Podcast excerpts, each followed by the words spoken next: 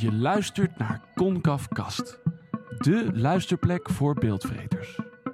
Concaf gaat in gesprek met gevestigde en nieuwe beeldmakers in film- en aanverwante terreinen. Welkom bij de podcast van Concaf. Mijn naam is Frank van Os, documentairemaker. En vandaag praat ik in Tilburg met collega Jesse van Venrooy, documentairemaker en sociaal ondernemer. Jesse, goedemiddag. Goedemiddag Frank. Praten met makers over hun vak. Niets mooier dan dat. Nee? Nou, nou ja, misschien wel, maar het is wel mooi. Wat is het mooie van het vak dan?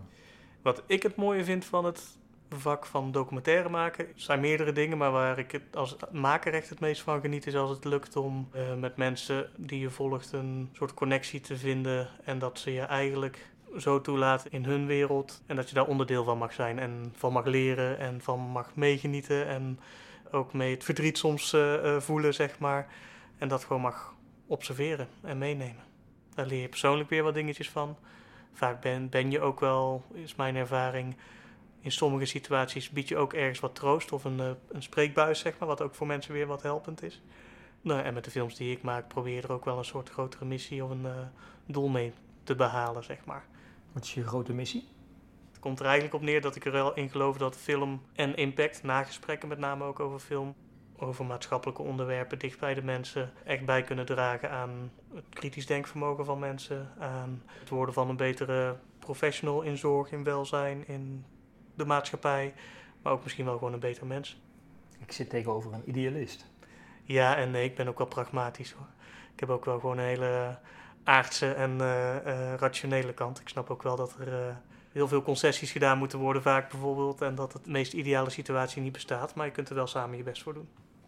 Op jouw website staat oog voor beeld en hart voor mensen. Is dat de kortste samenvatting van wie jij als professional bent? Ja, dat is wel een van de korte samenvattingen wie ik als professional ben. Ja. Ik denk wel dat dat meespeelt. Alhoewel dat oog voor beeld is ook wel weer wat breder te interpreteren. Want ik ga niet per se altijd voor de cinematografische beste hoek, zeg maar, of uh, positie. Um, dus dat hart voor mensen uh, zou er misschien eigenlijk eerst, eerst moeten staan. Hart voor mensen is het belangrijkste. Ik, ken niet, ik, ik, ik weet niet anders. Ook als kind, als er ergens een zwerver zat of zo, dan vroeg ik altijd of ik mijn zakgeld mocht geven. Dat vond ik fijn om te kunnen doen. Als ik, toen ik ietsje ouder was en had ik een petje op en dan zag ik een oud, een oud vrouwtje fietsen. En dan dacht ik, oeh, die zal mij misschien al wel een beetje zo'n rotjong vinden. Dus ik zeg maar gewoon heel vriendelijk, hallo, goedemiddag. Zit er uh, van nature in. Of door mijn ouders waarschijnlijk. Daar zal het zeker wel mee te maken. Mijn ouders die ook een voorbeeld bijvoorbeeld kan best wel slecht tegen onrecht en oorlog en zo is altijd wel een triggerpunt geweest. Mijn ouders die zingen al heel lang in een Balkankoor en ik weet nog, toen was ik echt heel klein, vijf of zes of zo, toen de oorlog in Bosnië uit, of in voormalig Joegoslavië uitbrak. Wij waren daar net het jaar daarvoor geweest en hadden daar vrienden zitten. En ik zie nog wel beelden dat ze voor de tv zitten, zeg maar. En uh, nou ja, dat soort dingen, dat kan me nu nog steeds raken. Dat heb ik zelf met, uh, heel erg met die, uh, in 2015, 16 met de Syrië, situatie in Syrië gehad. En de vluchtelingenstroom deze kant op nu met Afghanistan. En hoe zit jij dan voor de tv? Nou, ik probeer nu vooral niet zo heel veel tv meer te kijken dan.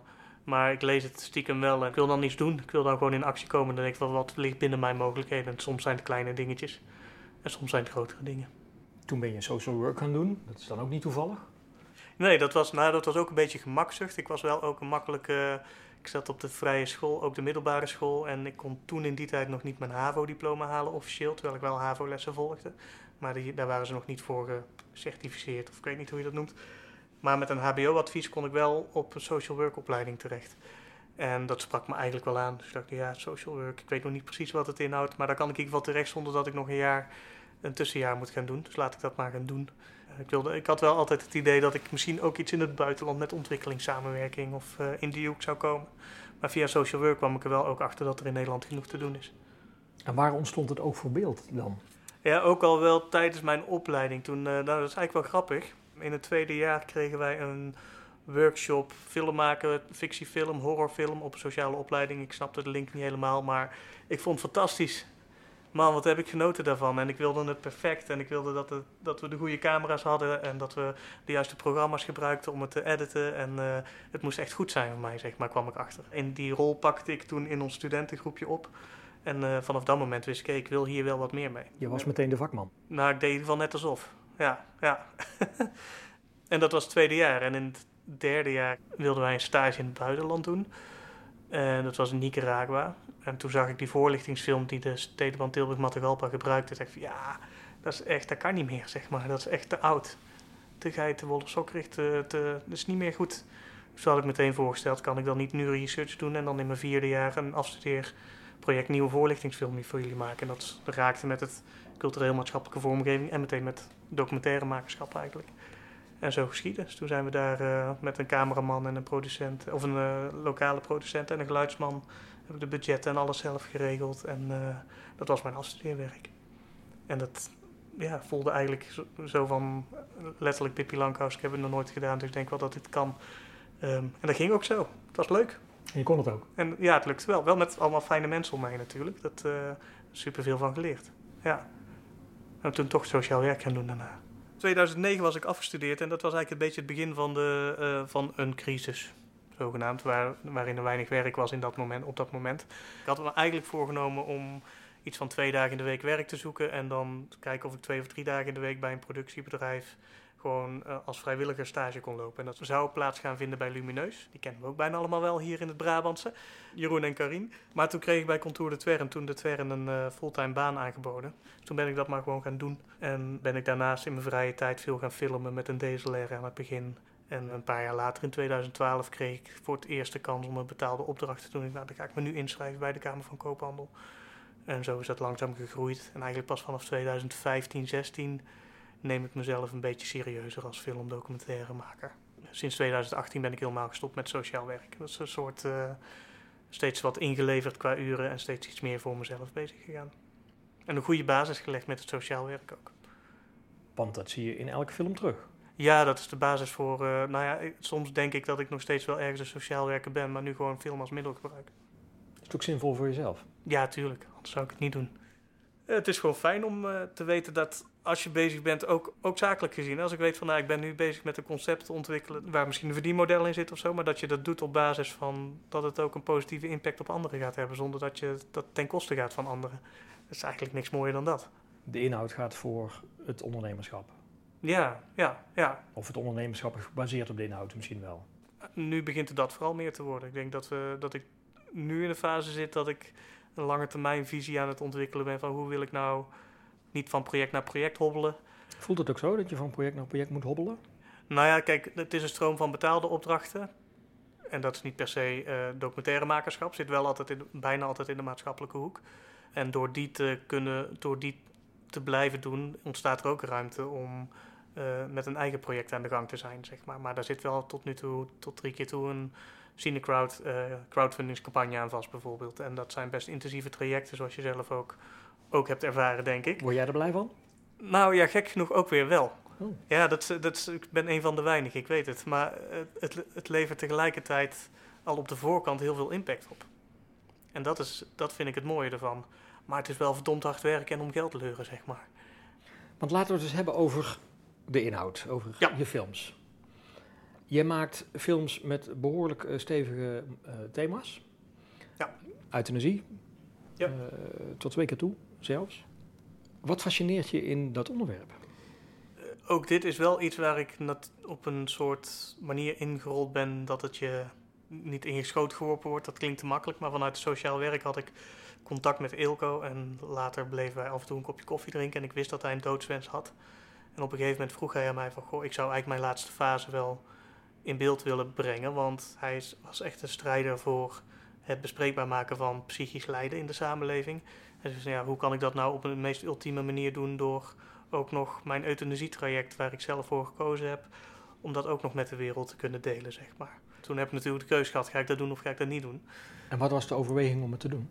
Nou, de overweging om te doen was dat ik zelf eigenlijk al vanaf mijn vroege jeugd best wel met veel, of vanaf, nou, niet vroege jeugd, vanaf mijn uh, begin puberteit denk ik, net iets daarvoor, met best wel angsten voor de dood heb te maken gehad en nog steeds wel eens. Zelf? maar. Ja, zelf. Angst. Gewoon niet, niet suicidaal, maar dat ik juist het tegenovergestelde, dat ik heel bang ben voor de dood en dat ik het niet kan verdragen dat dat moment ooit een keer in je leven aanbreekt, zeg maar. Ik denk dat dat eigenlijk iets is wat best veel mensen wel eens in hun leven tegenkomen. En dat is wel een soort fascinatie altijd gebleven en ik ben daar nu, kan ik daar veel makkelijker mee omgaan en heb ik daar ook wel antwoorden voor mezelf op gevonden.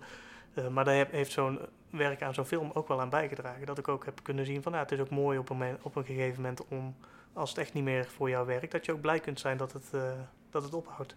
Was hij blij? Ja, Elke was opgelucht. Die heeft de laatste twee weken van zijn leven zijn de mooiste weken uit zijn leven geweest. En kon jij dat begrijpen van iemand die, die bang is voor de dood? Ja.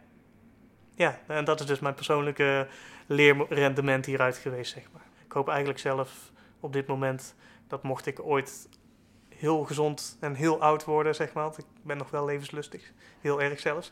Ehm, maar dat er wel een moment komt dat je denkt, nou, het is ook wel mooi geweest, het is goed.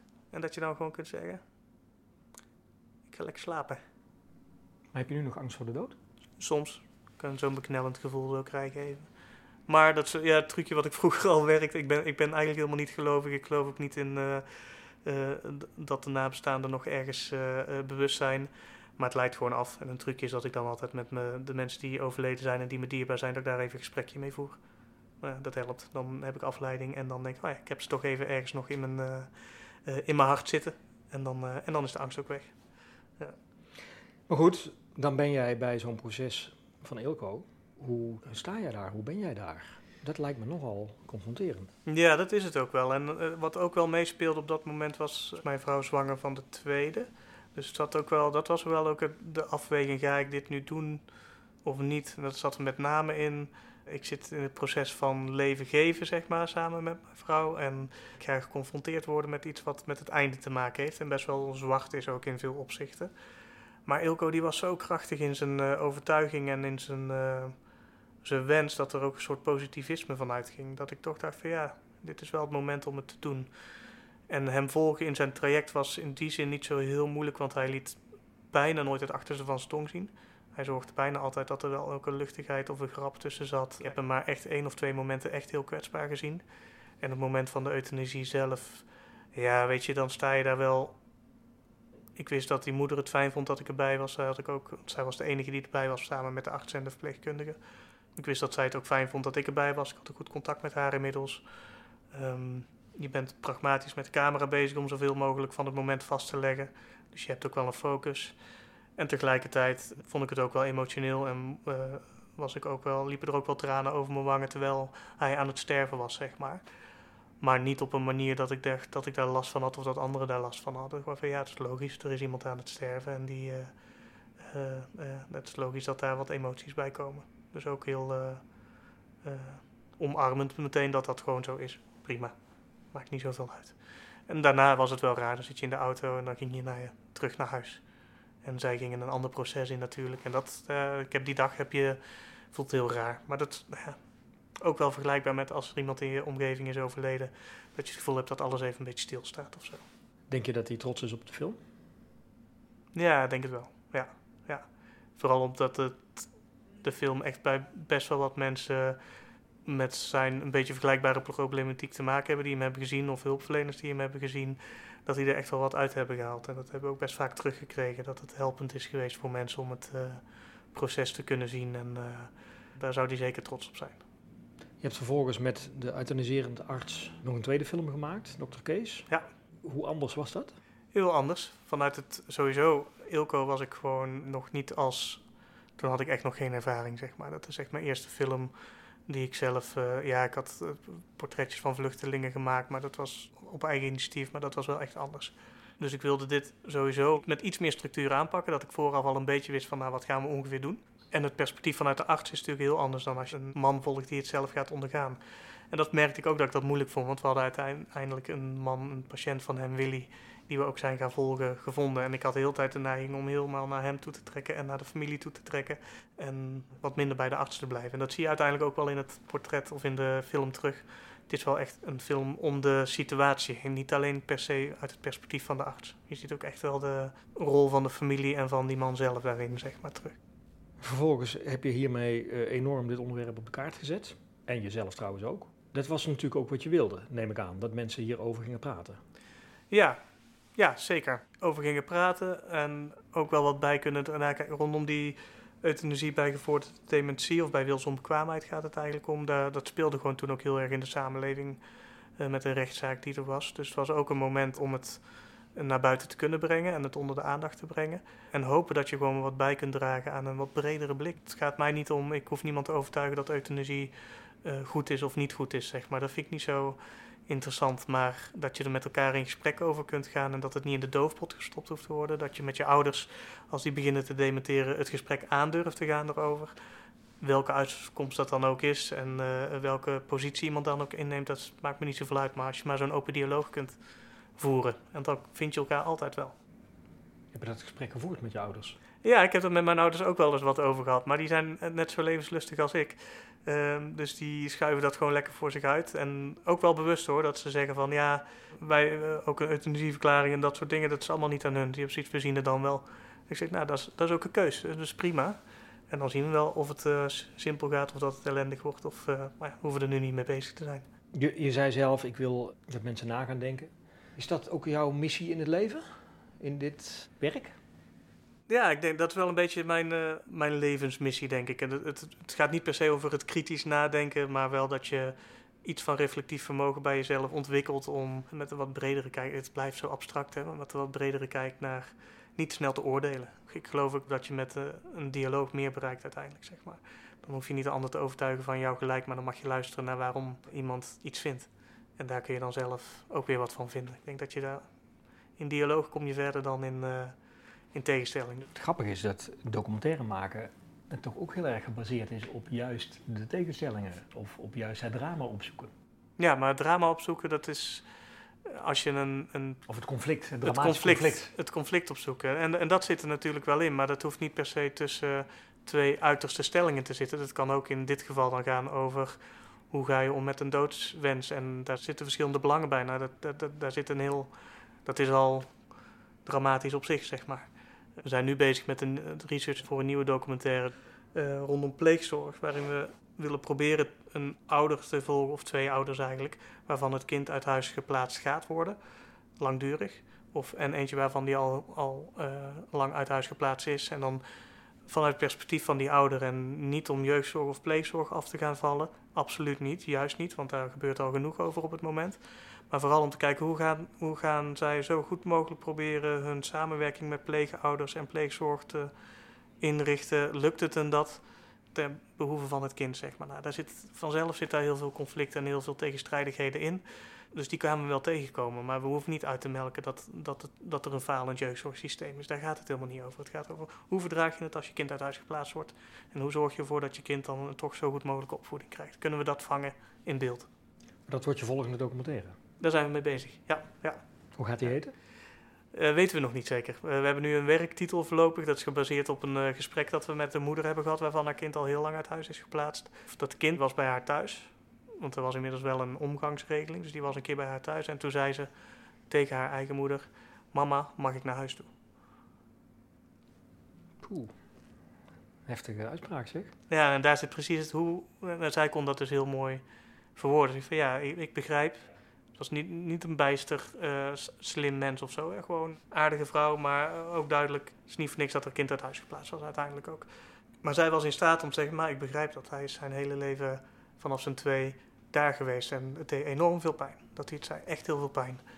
Maar ja, natuurlijk mag je naar huis toe. Als jij thuis wil zijn. En daarna heb ik kapot zitten janken op de bank. Maar zij kon dus op dat moment over haar eigen belang en ego heen stappen voor haar kind. Nou ja, dat is wat ik eigenlijk dadelijk ook in die film wel probeer hoop te kunnen laten zien. Zeg maar. Je hebt veel onderwerpen die dit soort stevige thematieken uh, hebben. Vervolgens heb jij bedacht, daar moet ik iets meer mee doen dan alleen maar af en toe eens een film maken. Dat klopt, precies. Ja. ik kan het me ook helemaal voorstellen. Maar wat heb je bedacht? Ik zou graag naar een soort duurzamere vorm van filmmaken toe willen. Waarin we dus niet van project naar project hobbelen. Gewoon een basisinkomen. Maar waar, nou ja, in zekere zin wel. Dat heeft ook met financiering te maken, zeker weten. Maar ook omdat je dan niet zoveel meer hoeft te leuren met financiering, maar dat je die tijd en energie kunt steken in de realisatie van mooie producties en de impact ermee, zeg maar. En mijn ervaring met Dr. Kees, en het is goed zo, is dat we eh, bij best veel zorg, binnen zorginstellingen en opleidingen de film ook hebben laten zien. En dan in gesprek zijn gegaan met studenten of met zorgmedewerkers. En dat dat werkt. Dat dat aanzet voor mensen om andere inzichten te krijgen in hoe ze zelf met hun cliënten met dit soort thema's om kunnen gaan. Corona heeft, heeft mij uh, uh, een maand of zes, zeven stil doen zitten, zeg maar, maar mijn hoofd niet. Dus niet dat ik zelf corona heb gehad, maar er was gewoon niks te doen en, en alles was dicht. En daar is eigenlijk een concept uit ontstaan, Ethics Film Service. Nou ja, dat gaan we nu ook echt, echt inrichten. We hebben daar impulsgelden subsidie voor aangevraagd en gehonoreerd gekregen. Zijn nog wel op zoek naar een stukje cofinanciering, maar we zijn ook al tegelijkertijd al best ver ook met vormgeving en al die dingen. Wat het gaat zijn, is een soort, zie het als een, als een Netflix. Dat spreekt voor de verbeelding, zeg maar. Een streamingsdienst waar je on-demand films kunt kijken, zo vaak en zoveel als je wilt. Maar niet gericht op consumenten, maar op professionals en toekomstige professionals. Dus zorginstellingen, maatschappelijke instellingen, gemeentes, onderwijsinstellingen, opleidingen. En dan met films, documentaires, in eerste instantie documentaires, later mogelijk ook wel fictiefilms, die over dit soort maatschappelijke thematieken gaan. Natuurlijk een paar films van onszelf, maar het liefst ook heel veel films van andere makers over in principe de hele wereld, maar wel met een sterke poot in Brabant. Dus we willen ook echt wel Brabant ermee een plek geven. Maar, en, en Nederland natuurlijk daar ook. En dan Europa. En zo zal er een soort verdeling zijn van films die we daarop willen hebben staan. En wat dit platform denk ik extra bijzonder gaat maken, is dat er een audiotool toevoegen. Dus dat wil zeggen dat als jij een account hebt, dan kun je ook in een agenda kun je een film inplannen. Bijvoorbeeld Dr. Case. Je plant de film Dr. Case in op woensdagochtend. En alle ethics gebruikers, iedereen die een abonnement heeft, kan zich inschrijven. En dan kun je daarna online met elkaar in gesprek gaan over de film. En dat kan dan een sociaal werker zijn, een verpleegkundige, een student. Een, uh, wordt dat begeleid? Combinatie. Nou ja, dat is dan aan organisaties zelf. Dus als een opleiding zegt van nou ja, wij willen een college geven over het thema euthanasie bij gevorderde dementie. We plannen die film in. Dit doen we alleen voor onze studenten, dat kun je dan aanvinken. Maar je kunt ook aanvinken. We vinden het eigenlijk wel interessant als er andere ethics gebruikers ook meedoen. En ik denk dat wij wel aan het begin zeker, maar misschien dat we dat wel vasthouden, maandelijks zelf een filmvertoning online uh, doen met nagesprek, zeg maar. Dat we dat faciliteren. Ook om te laten zien hoe je die dan gebruik van kunt maken. Op die manier hoop ik natuurlijk een soort uh, ja, constructief model te bouwen waarin we een vaste inkomstenstroom kunnen genereren uit die abonnementsgelden. Maar waar we tegelijkertijd ook met onze missie bezig zijn. Want ja, verandering brengen binnen die instellingen en zorgorganisaties, onderwijs. En dat we uiteindelijk daarmee ook wat financiering hebben om nieuwe films te maken. Om ook andere mensen films te laten maken. Ja, en dan hebben we een soort eigen ecosysteem ontwikkeld waarin we niet meer afhankelijk zijn van subsidies, van fondsen, van crowdfunding. Maar dus gewoon met een soort commercieel model toch op een sociaal-maatschappelijke manier aan het ondernemen zijn. En hoeveel mensen heb je nodig die gaan kijken om straks volledig onafhankelijk te kunnen werken? Nou, het zit hem eerder in hoeveel organisaties. Want dat is het fijne van dit model, is dat je niet afhankelijk bent van die single-user accounts die Netflix of Cinetree of andere platformen hebben, zeg maar. Maar dat je redelijk snel met een bulk kunt gaan. Dus hebben we Avant Social Work, zitten 1200 studenten. Nou ja, als je die als klant zou hebben en je hebt er daar uiteindelijk 50 van of zo, of 60 in, op termijn, dan zijn we al wat omzet aan het maken om zelf ook producties te kunnen maken. Een start, dat is nog niet volledig, maar dan kun je al een start maken. Ik denk dat we er 30 of zo nodig hebben om Kiet te kunnen draaien. 30 maar? 30 maar, precies. Dat is niet gigantisch veel. Het is wel tegelijkertijd, die instellingen zijn conservatief ook soms wel, zeg maar. Dus je moet ook wel echt gaan laten zien dat het werkt en dat het bij gaat dragen. En dat is ook onze overtuiging, maar dat moet ook nog maar blijken natuurlijk. Heb je die gesprekken al gehad? Met een paar. Met uh, Social Work heb ik gesproken, Contour de Twern en zo nog twee andere organisaties. En die, zijn wel, die waren wel echt heel enthousiast. Maar wat moet een organisatie betalen om te mogen kijken? Ja, dat hangt, daar zijn we nog niet helemaal over uit. Er zitten nog een paar losse eindjes aan. Uh, onder andere Buma Stemra, uh, wat daar de afdracht voor gaat zijn. Het draaien van de platform, op welke, uh, op welke player het gebeurt, zeg maar. En dat zijn we nu aan het researchen en aan het uitzoeken. Dus we gaan nu vanuit als je een single user, want dat kan, hè, een freelance psycholoog zou een, een account kunnen nemen, zeg maar. Um, 150 euro per jaar of zo, of 100, 180 euro per jaar, zoiets. Daartussenin, denk ik. Maar dat gaat al heel snel krijg je bulkvoordeel. Dus dat kan het op uitkomen dat je uiteindelijk 5 euro tot 10 euro per student of per werknemer per jaar betaalt. Maar ja, goed, heb je een organisatie van 1000 studenten, dan is dat 5000 euro, 6000 euro, 10.000 euro. Dus dat gaat al wel redelijk snel om substantiële bedragen. En het idee is dat je daarmee dus nieuw werk kan financieren? Um, drieledig. Enerzijds gewoon zorgen dat we dat organisatiemodel kunnen blijven financieren. Dat de films die we inkopen, wat we nu bedacht hebben, is dat, ik weet niet of dat ook gaat werken, is ook nog een test. Uh, 30% van de omzet uit abonnementsgelden willen we naar de makers die op het platform een film hebben draaien staan. Dus vooraf weet de maker niet, ik krijg er zoveel euro's voor. Dat is afhankelijk van het succes van het platform, zeg maar. En ook afhankelijk van het succes van zijn of haar film. Ja, daar twijfelen we nog over. Of we, die, uh, of we dat gaan doen op basis van het aantal minuten dat de film bekeken wordt, bijvoorbeeld. Of dat we zeggen: nee, ook daarin willen we een soort collectieve uh, gemeenschap zijn. Als je film op het platform staat.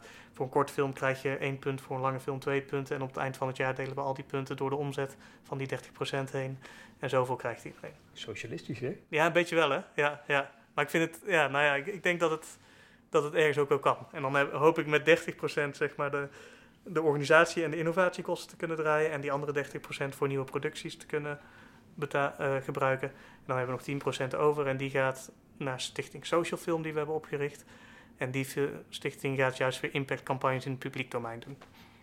En ook een stukje talentontwikkeling. En dat is ook nog een soort stichting die we nu ook wel gebruiken om ook hopen wat financiering op gang te brengen. Maar waar we later juist eigenlijk alleen maar geld naartoe willen brengen voor impact in het uh, publieke domein. Dus los van de opleidingen en de instellingen. En dan is het ecosysteem helemaal rond. Wat een prachtig ambitieus plan. Dankjewel. Wanneer moeten we terugkomen om te horen hoe de vlag erbij hangt? Wat is je planning? Een jaar of drie, vier?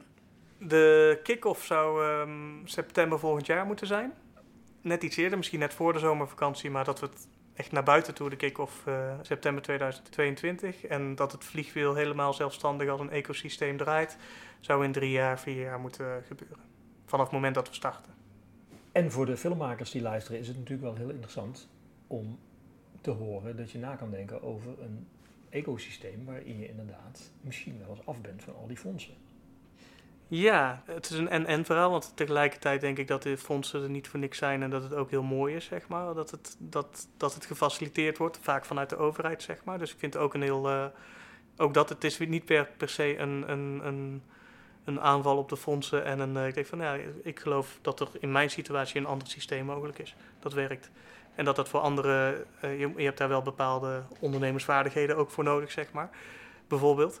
Dus dat dat niet voor iedereen zo werkt, dat kan ik me ook voorstellen. En dat fondsen dan de perfecte uitkomst zijn. Dus ik denk dat het naast elkaar moet bestaan. Waar staat Jesse over vijf of tien jaar? Nou, wat ik heel mooi zou vinden is als we over vijf of tien jaar, nou zeg het vijf jaar, een man of uh, zes, zeven voor, uh, voor Ethics, het filmplatform, hebben werken. Dat de stichting inmiddels een, ook wat eigen mensen heeft, dat ik daar zelf niet meer per se in hoef te zitten. En dat ik zelf de luxe mag hebben om ook inmiddels dan weer echt zelf films te maken vanuit, vanuit maar gefinancierd vanuit de platform. En, uh, ja, en, dat we dat, en misschien dat we dan wel, dat er dan wel de stap zou kunnen komen om naar de Benelux mee te gaan, bijvoorbeeld. Dat zou, waarom niet? Daar zitten ook opleidingen en, onder, en, en instellingen met dezelfde thema's en dilemma's. En, uh, en wie weet een keer wel Europa. En, uh, nou, wie weet, wie weet. Maar tegen die tijd denk ik dat het te groot wordt voor mij. Mooi man. Ja. Mooi, mooi verhaal. Dankjewel.